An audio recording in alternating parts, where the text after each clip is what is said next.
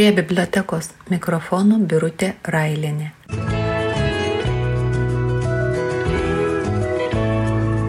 Apie protinį lavinimą nuo mažens. Štai priežastis, dėl kurių manau, kad per ankstyvas vaikų įkinkimas į mokslus ir sėdėjimas suolė yra ir nereikalingas, ir kenksmingas. Nereikalingas, nes tuo laikotarpiu visos proto galios, o būtent supratimas dar yra labai ribotos. Ir todėl visas per ankstyvas mokslas nieko neduoda. Kenksmingas, nes ne tik apkraunant proto galias jas pažeidžia ir gadina visam gyvenimui, bet ir sėdėjimas, būtino kūno judėjimo trūkumas, nuobodulys ir apmirimas smarkiai veikia susilpnindami sveikatą ir sugadindami sudėjimą visam laikui. Pridėkime ir tai, kad dar neišsivyščiusių proto organų apkrovimas, prievartinis vaikų mokymas mokslo, kurie jo nesupranta, kuris jiems nuobodus, ne tik nelavina proto galių, bet ir sukelia ankstyvą, nenugalimą pasibjaurėjimą visų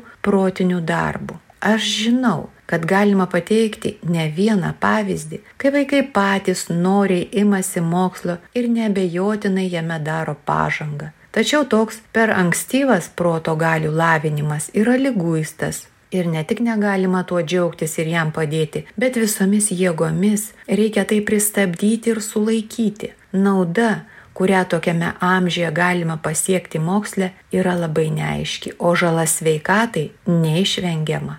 Šiuo atžvilgiu kreipiuosi į kiekvieno skaitytojo asmeninį liudijimą. Jeigu tokiame jauname amžiuje jis ko nors mokėsi, ar tai suprato, o jei ko nors išmoko, ar nepamiršo to vėlesnėme amžiuje ir ar neteko viso to mokytis iš naujo. Taigi, tokia tai nauda iš per ankstyvo mokymosi matome žalą.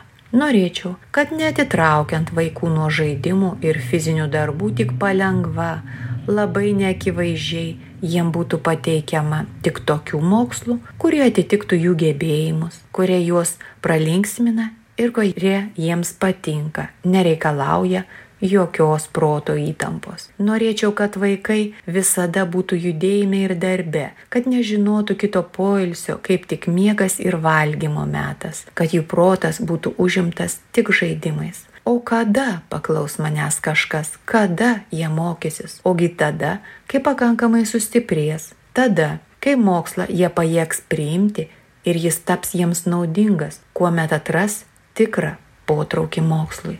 Nors vaikai turi patį didžiausią smalsumą ir uoliai puola prie kiekvienos naujienos, tačiau jei mokslas jiems bus prievarta brukamas, pradės juo bjaurėtis. Todėl nedėra mažylį versti prie tokių dalykų, kurių jie nekenčia. Primestas arba prievarta išvargtas mokslas bus tiek pat naudingas, kiek maistas ir gėrimas nealkanam ar neištroškusiam per prievartą sugrūstas. Tik sudominus ir per žaidimus vyresnius vaikus, tai yra tokius, kurie jau turi nuolatinius dantis, galima prie mokslo vilioti. Tačiau net ir tas mokslas neturi pertraukti jų išdikavimų ir laisvės, bėgiojimo, jų šėlionių, nes būtent ta vaikiško gyvenimo laisvė ir vadinama rimtų mokymų. Jeigu kas nors aštuonmečių iškrautų naštą, kurią sunkiai gali pajudinti suaugę ir stiprus vyrai, visi tokį mokytoją laikytų pamišeliu. Tačiau protingų mokytų ir šviesių žmogumi laikomas tas, kuris tą nelaimėlį mokinuką apkrauna virš jo sugebėjimų